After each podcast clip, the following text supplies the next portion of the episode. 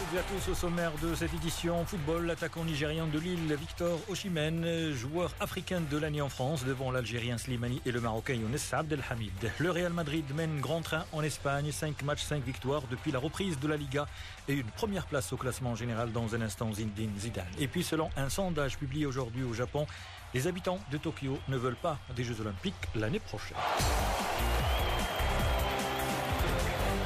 Victor Osimhen, joueur africain de l'année en France, arrivé l'été dernier de Charleroi en Belgique, l'attaquant de Lille a signé 13 buts cette saison en championnat, même si le championnat a été interrompu.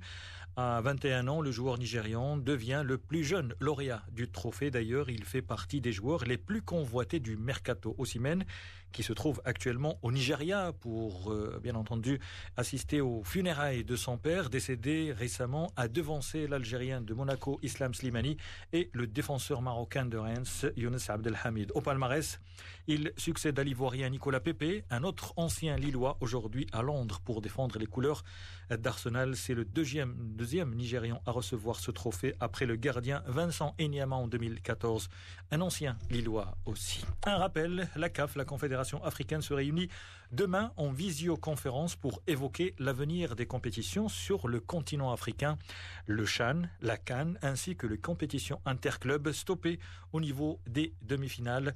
On rappellera que les coupes interclubs, le Maroc a quatre représentants, deux en Ligue des Champions et deux en Coupe de la CAF. L'étoile du Sahel a entamé un stage en Tunisie qui va durer jusqu'au 9 juillet. L'équipe de Sousa prépare la reprise août prochain du championnat tunisien à l'arrêt depuis mars dernier en raison de la pandémie.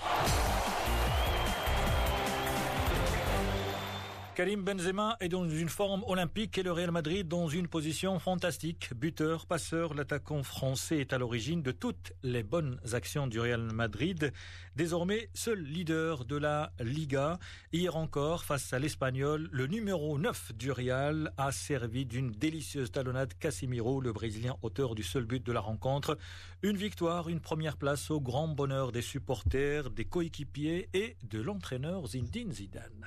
Il n'y a pas grand chose à dire. Oui, je pense au génie. Oui, je pense à ce geste de classe. Je pense à tous ceux qui aiment voir le, du beau football, comme moi, euh, comme tous les gens passionnés, de, voir ces gestes. Euh, vraiment, c'est fabuleux. Et ce qui est encore plus beau, c'est de voir que son copain, qui est donc euh, en l'occurrence Casimiro qui met le but, sait qu'il peut faire ce genre de, de C'est un but d'équipe. Parce qu'il y a d'abord le lancement, il y a, la déviation de, Sergio, et puis après l'enchaînement de Karim et le but de, et but de Casimiro. Donc bon, voilà. Chapeau à tous, et bien sûr pour le geste de Karim. Zidane, l'entraîneur du Real Madrid, au micro de Frédéric Kermel, notre consultant pour le football espagnol, pour l'Espagne toujours. Le Barça est deuxième et aujourd'hui on a appris que c'est officiel. Eh bien, Arthur Mielo, le joueur brésilien du, euh, du Barça, a quitté le club catalan pour signer à la Juve. Et dans le sens contraire, c'est euh, l'international euh, Myriam Pjanic qui portera les couleurs du club et catalan. Célébrez, faites la fête, mais en toute sécurité dans un cadre privé. Le message de Jürgen Klopp aux supporters de Liverpool qui ont ignoré les consignes de distanciation. D'ailleurs, il y a eu des débordements. La police a rapporté de violents affrontements lors des célébrations du titre de champion d'Angleterre. On estime à au moins 10 000 euros les dégâts matériels provoqués par les supporters. Même combat en Allemagne avec le maintien du match barrage de montée ou descente en Bundesliga. Jeudi prochain, Brême doit affronter Edenheim.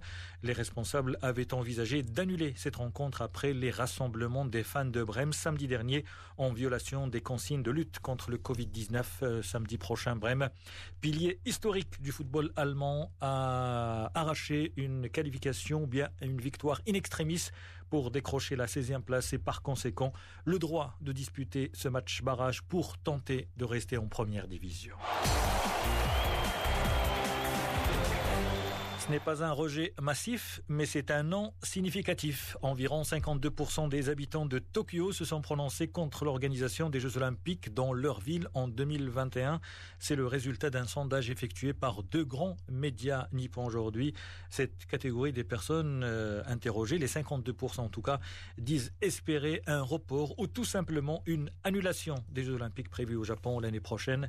Les Jeux Olympiques et Paralympiques de Tokyo 2020 ont été reportés fin alors que la pandémie progressait, provoquant la pire perturbation depuis la Seconde Guerre mondiale de la plus vaste rencontre sportive de la planète. C'est la fin de cette édition. Merci de votre fidélité. Excellent début de soirée à l'écoute de Média.